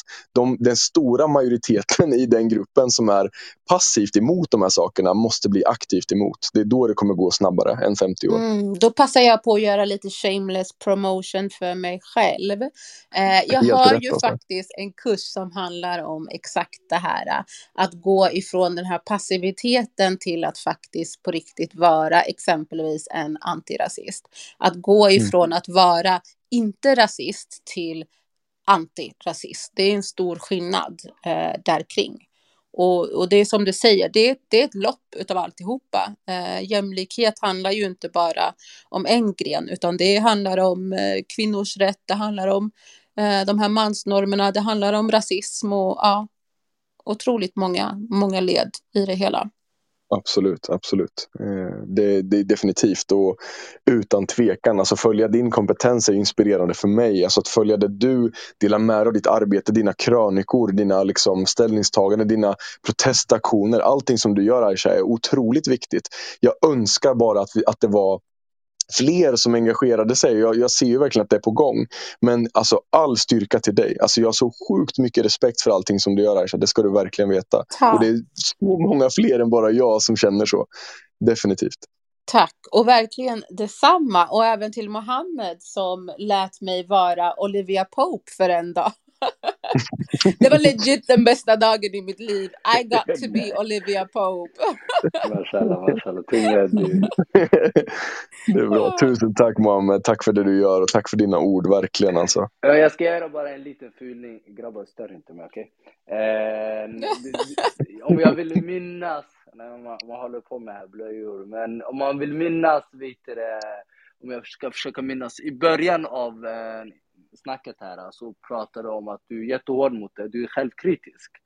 Mm. Eh, jag kände mig igen mig i det, det lilla. Ändå du vet det här när man inte, eh, när samhället inte kanske ställer krav, när man vet att man kommer klara av imorgon eh, på ett perfekt sätt och du vet man kommer göra nöjd alla människor man träffar, ändå så slår man sig i väggen. För att, jag vet inte, jag är mer så här lagd att vara negativ för att det ska bli positivt istället för att ja. vara positiv och sen mötas av en, en negativitet som bara liksom golvar mig. Mm. Eh, men när du liksom hamnar i, i, i, i den fronten, eh, mm. hur tar du ut dig det? Eh, jag hänvisar din fråga till min KBT-terapeut brorsan. jag har inte, jag har inte svarat än, jag jobbar på det. Nej, men jag, jag, försöker, jag försöker hantera de tanken. Ibland är det svårt att komma på mig själv. Jag kan sitta och grubbla länge liksom, på sådana misslyckanden eller eventuella misslyckanden och sådana grejer. Att jag inte känner mig tillräckligt och så. Men när jag väl kommer på mig själv med att fastna i de tankarna så försöker jag tvinga mig själv och bryta mig ur dem. Jag försöker betrakta mig själv som, eh, så här, hur, hur hade jag bemött min, en av mina bästa vänner om, om han eller hon berättar sådana saker för mig? Om han eller hon sitter och säger jag, jag känner mig värdelös eller jag, det här kommer bara bli skit, fan alltså, jag vet inte varför jag håller på med det här. Jag hade ju bombat den vännen med kärlek och bara, vad snackar du om? Det här är, du kommer fixa det här oavsett hur det går, så gör ditt bästa, du kan inte göra mer än så. Du är tillräcklig. Du är tillräcklig. Och sen så försöker jag så gott jag kan vända det inåt. Liksom. Men det, det, är inte, det är inte alltid lätt. Jag har inte liksom alla svaren. Så det, det är en av mina utmaningar liksom, som jag jobbar på också. Eh, men ja, du, vi är inte ensamma tror jag inte. Det är nog ganska vanligt. Eh, och jag hoppas också att du hittar den, den friden liksom inombords så att man faktiskt kan gå in i det och bara känna typ så här, ah, men jag har faktiskt försökt. Jag har faktiskt gjort en, en effort. Liksom. Jag, jag har försökt. Jag kan inte göra mer än så. Mm. Och känna någon form av trygghet och tillräcklighet i det. Liksom. Mm. Verkligen. Aisha, nu håller jag tyst. Så. Nej, det tror jag inte. Du kommer hoppa in snart igen. Men jag tänker vi har en till person som gärna vill säga någonting. Varmt välkommen. Ja, men tack så mycket. Hej, god kväll.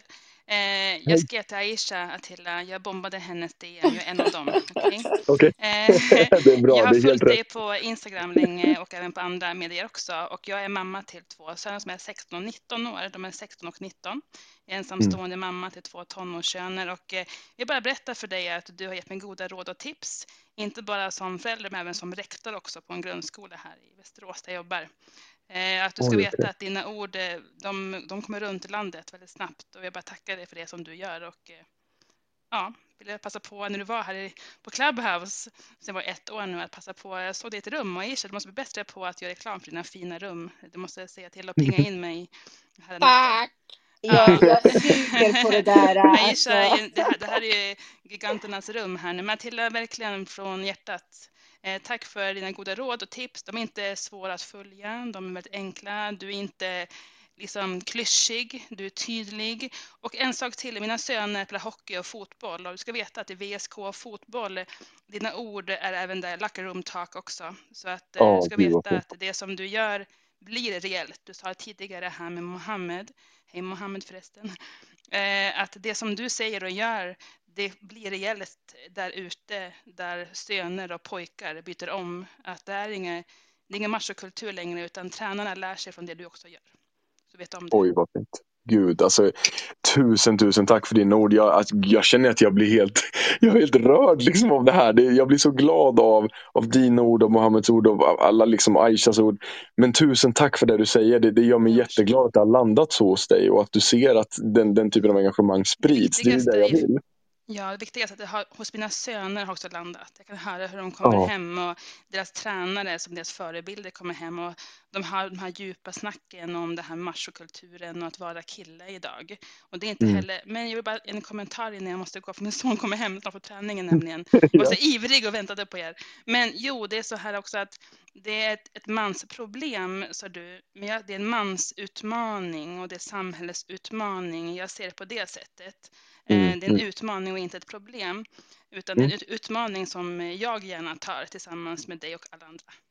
Gud vad fint beskrivet. Så jag tror jag också kommer beskriva det på det sättet framöver. Det är ju precis så det ska betraktas. Som en utmaning där det finns lösningar, där det finns mål liksom som vi kan uppnå. Det är reella mål och vi kommer dit. Eh, det är teamwork som gäller och jag är så jäkla glad att höra att du och ni är med på tåget och att den här typen av engagemang, för det, det är liksom, jag kan inte göra någonting själv. Det handlar ju verkligen om vad vi gör tillsammans.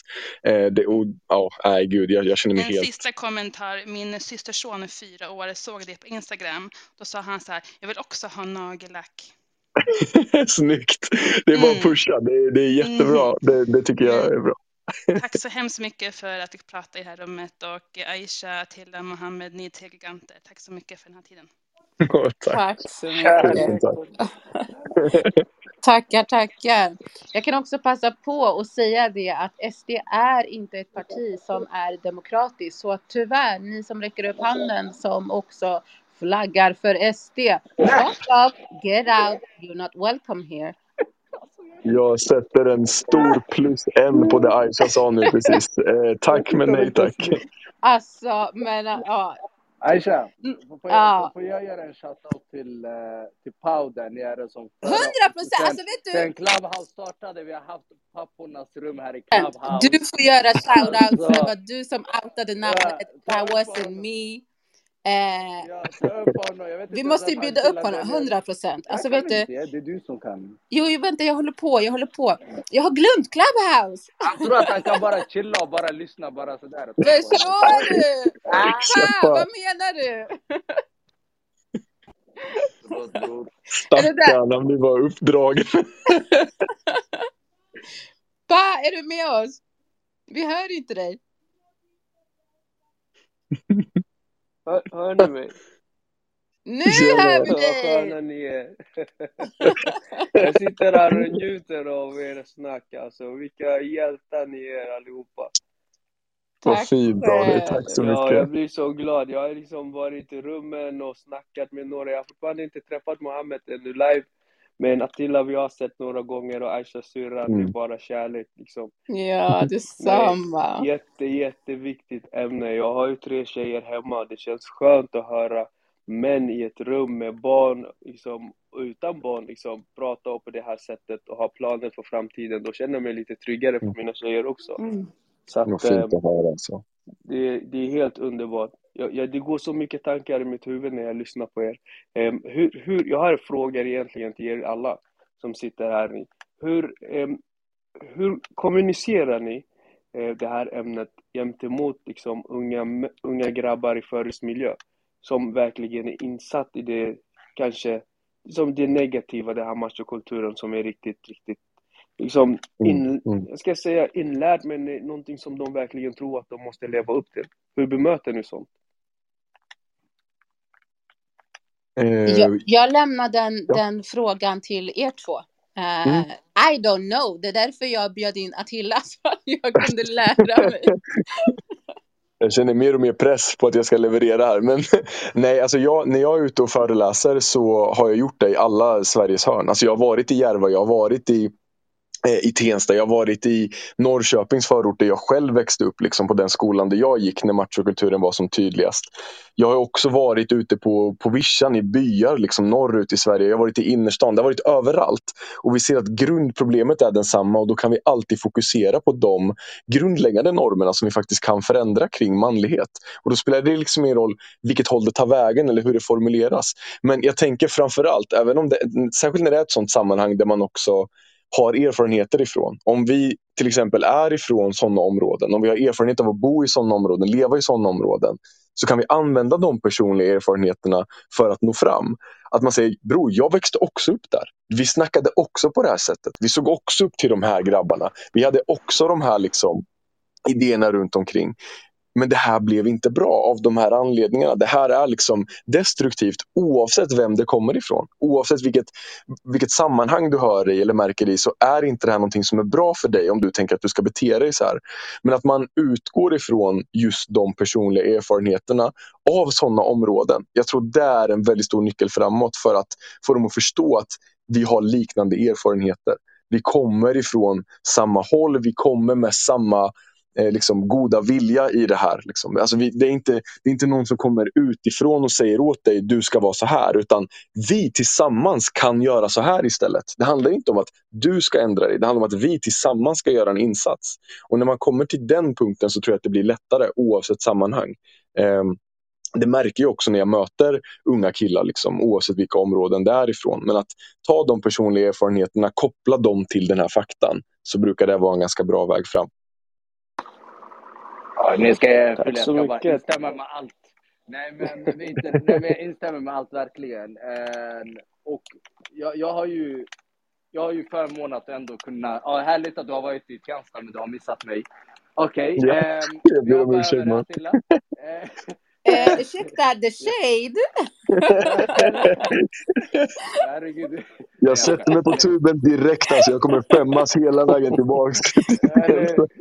Nej men grejen, men du har helt rätt. Jag till och bara, det räcker bara med det här samtalet när jag pratade om högstadiet direkt jag kände igen mig. Alltså jag, jag har Mm. faktiskt i äldre år eh, redan vid, jag tror 20-årsåldern bett om ursäkt till eh, några barndomsvänner som jag minns att jag har vet det, varit otrevlig eller liksom har ehm, vi har lekt en lek under högstadiet som jag haft ångest över.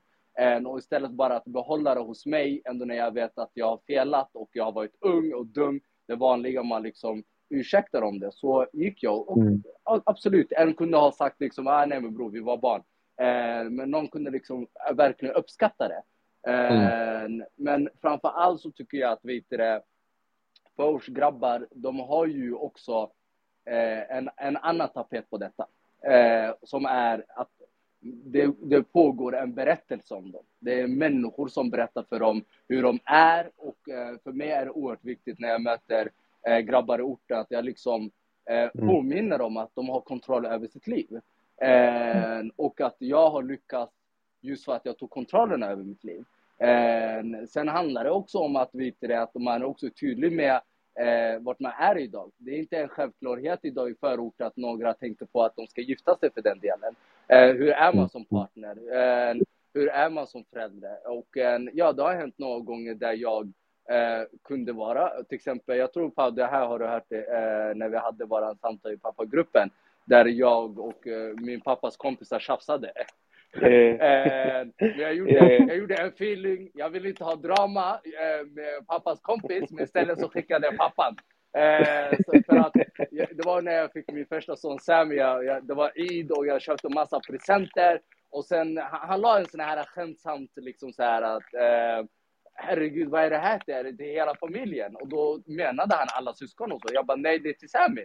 Han bara, nej men herregud, sluta lägga allt så här mycket pengar. Jag, jag, jag, vet inte, jag kände mig så kall när, när jag gick därifrån. Och jag älskar, vet pappas kompis. Men jag gick till farsan, jag bara, snälla, kan du ha äh, koll på dina vänner? Äh, vet du, hur, hur de pratar med mig, speciellt när det kommer till mina barn. Äh, och det löste sig. Och för mig så tycker jag att, vet du, förortsgrabbarna behöver bli påminda om att de är kompetenta nog att kunna mm. ta kontroll över sin situation. Och mm. eh, att vi lever så som Attila sa, att eh, orten är fortfarande samma design. Alltså det är ju 2022, men några saker så säger jag som att det var fortfarande 2005 i Kristianstad. Eh, mm. Och att påminna om att man behöver inte liksom eh, leva i fortfarande i den här designen. Den här fasaden kommer fallera och sen står man där det är viktigt att man påminner personen det typiska mänskliga natur att för din egen skull, rädda inte dig när du är 25 år, när du kan rädda dig när du är 19 år. Mm. och, um, och, och det, i min egen community, svensk Somalia, jag vet jag ska kolla igen, nej det är ingen somalier, jag ska bara. Nej men... you better be careful, they got Jag själv har söner och sådär, men det, det är sant, det finns vittnen idag som har tjejer som säger att vittnen, oj, jag gifte mig med en grabb, det enda han gör det är att spela Playstation. Han vet inte ens hur man kokar te, förstår du? Eh, då är det oerhört viktigt att, vet att man påminner hey bror, du skulle inte vad... outa mig, vad gör du? jag sitter här med spelet framför mig. Jag, jag, jag, kan baka, men jag är urdålig på att... Till exempel, det var bara för några dagar sedan jag la... Min fru hon sa till hon bara, kan du hålla koll på att riset inte överkokas? Och sen jag såg liksom kyckling, allt. Jag tänkte, det här är tamam bild till Instagram. Sen jag bara, eh, det är jag som har lagat. Nej, jag bara vaktar. Eh, och det är lite synd. Och jag vill inte ha det här. Och det är viktigt att vi grabbar påminner om varandra som har haft förmånen att faktiskt kunna vara i den åldern vi är i. Att vi inte föra vidare. Eh, mm, idag, mm. Sam älskar baka. Akram älskar äta, han gillar inte göra något. Eh, men det är liksom så här att påminna att inte föra vidare. För jag tror mycket handlar om att man för vidare. Och jag tror mm. det här att, vet det, att det ska ta minst 50 år eh, handlar stor del om att vi ska inte föra vidare. Eh, det är så man får stopp, tror jag, mest på.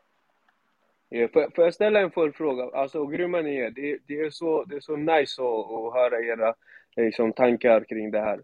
Um, jag, jag åker ju runt och föreläser också, har varit liksom överallt och lite grann som att träffat människor i olika delar av Sverige. Och någonting som, som, som stör mig väldigt mycket, det ibland känns det som att jag eh, snackar om en fantasivärld, för jag vet själv att jag, jag har gått mm. igenom saker som jag kommit ifrån. Och eh, jag kan liksom försöka inspirera kidsen och genom att ta mig själv som facit. Om, if you do good, good kommer följa dig. Det är så jag tänker och vilka vägar man kan ta för att liksom uppnå sitt bästa jag.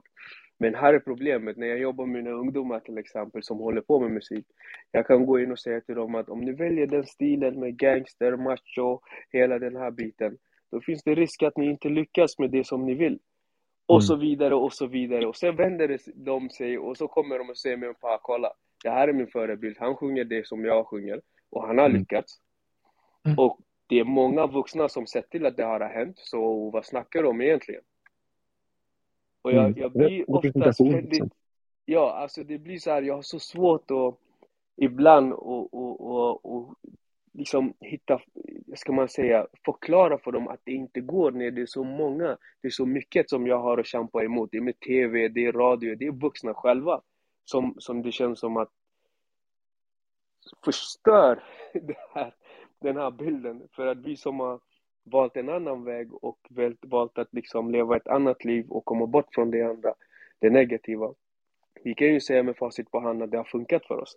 Men sen finns det andra som inte valt den vägen men ändå lyckats jättemycket och väldigt bra, alltså om man kallar det lyckats, i, i det sammanhang som man ser att det, som man kan betrakta lyckat att vara. Du är ett bra exempel på det, Pamodo.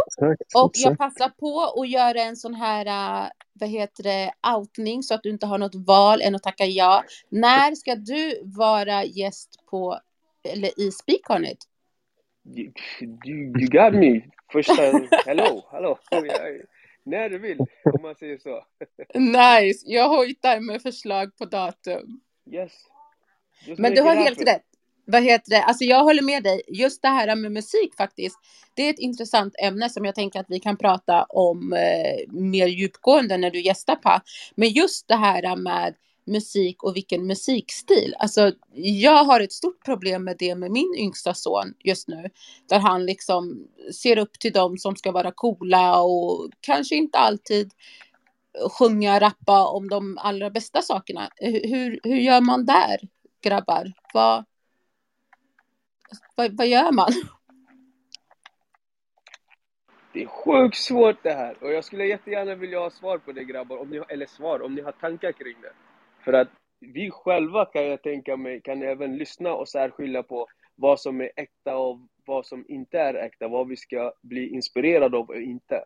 Men när du har en 15, 16, 12-åring, 10-åring som lyssnar på det som inte är så bra, det som inte liksom liksom, det som inte inspirerar till det bästa och det som förstör och skapar den här machokulturen. Hur säger man att det inte går att lyssna på eller att man ska vara försiktig? Hur, hur ska man inspirera bort, bort det? När det är godkänt och samhället är redan överens om att det är så här det ska vara. Mm. Eller lyssna med kritiskt öra, jag vet inte hur, ja. Vad tänker Nej, det där är ju, den, är den är svår. Eh, och jag har ju haft, jag har gått in i den här diskussionen lite tidigare när jag snackar om machokultur i olika sammanhang i, i samhället. Och eh, viss typ, inte all rap, alltså det är så långt ifrån all rap det handlar om. Men det finns såklart vilka, vissa typer av rap och vissa typer av rapartister som återproducerar machokultur i sina texter. Precis som vissa regissörer och filmskapare återskapar machokultur i sina filmer och serier som är kvinnoförnedrande eller sexistiska, som inte är genomtänkta, som skapar skeva normer.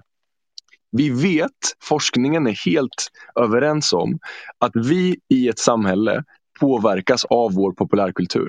Det är solklart. Det handlar om film, serier, reklam som vi ser varje dag. Det handlar om poddar, musik, allting. Allt inom populärkulturen. Forskningen kan inte komma fram till exakt hur mycket vi påverkas, för det är väldigt svårt att mäta naturligtvis. Men att vi påverkas av populärkulturen, det är hundraprocentigt.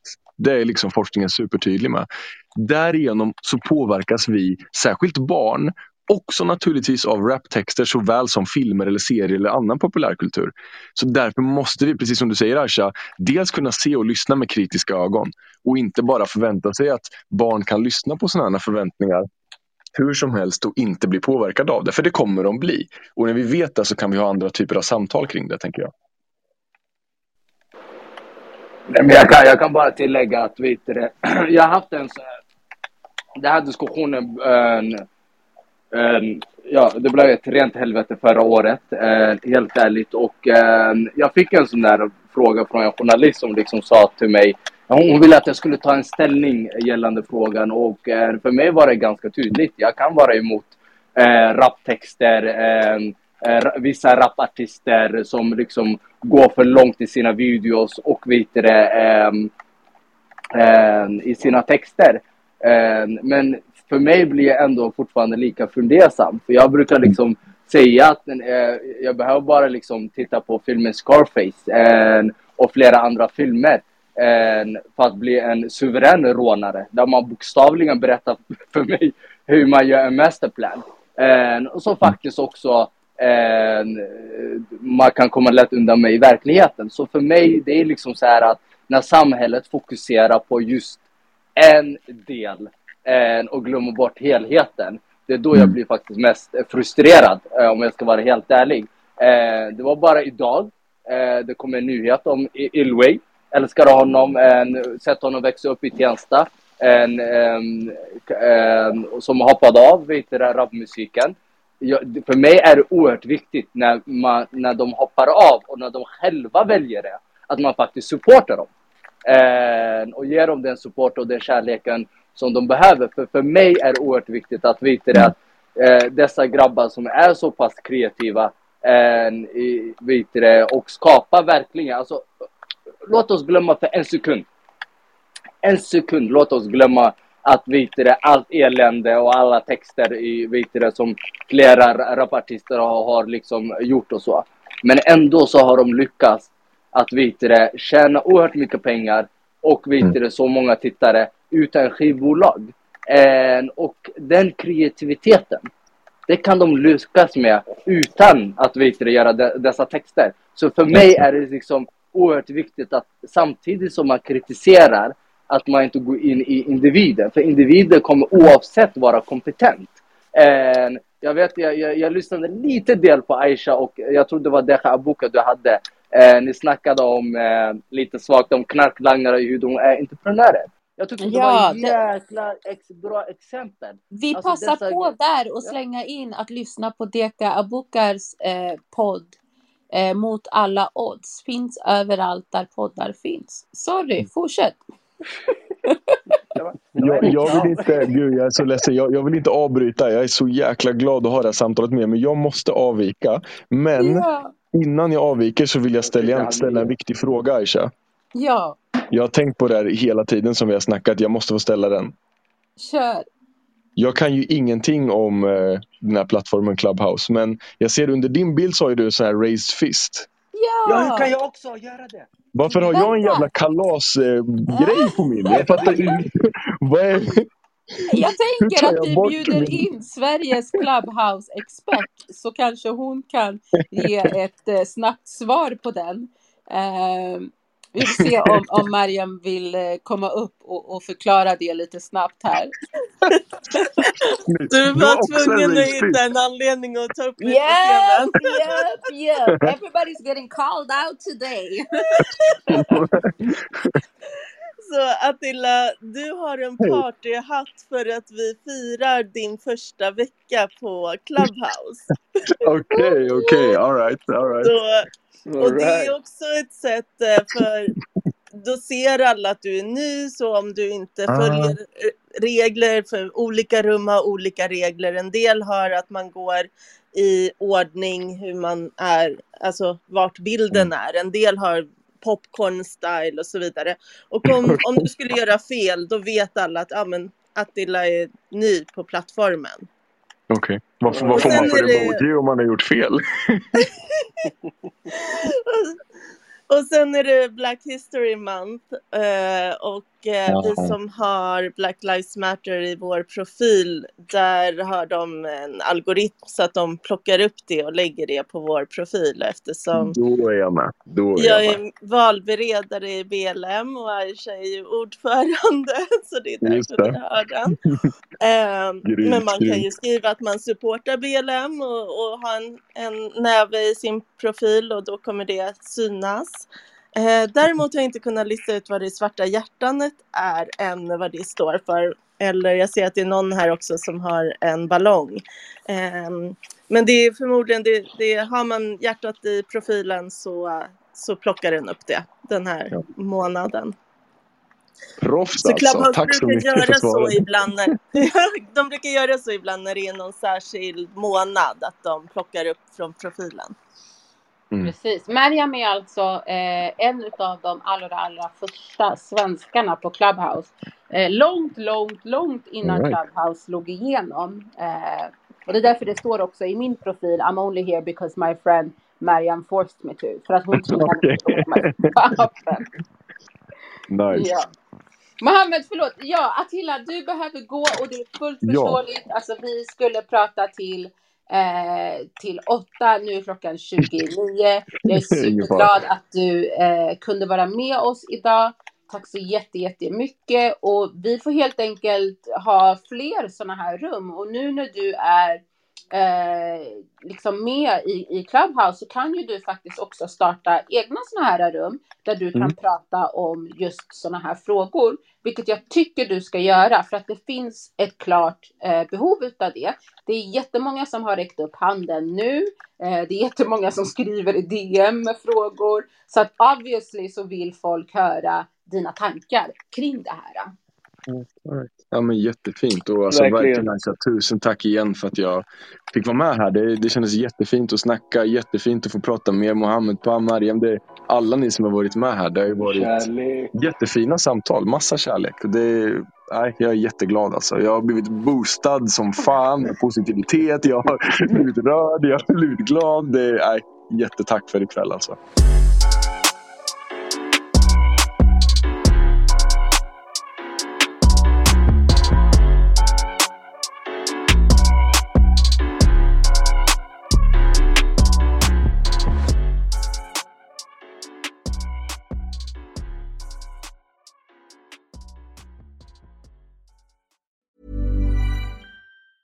Even on a budget, quality is non-negotiable. That's why Quince is the place to score high-end essentials at 50 to 80% less than similar brands. Get your hands on buttery soft cashmere sweaters from just 60 bucks, Italian leather jackets, and so much more.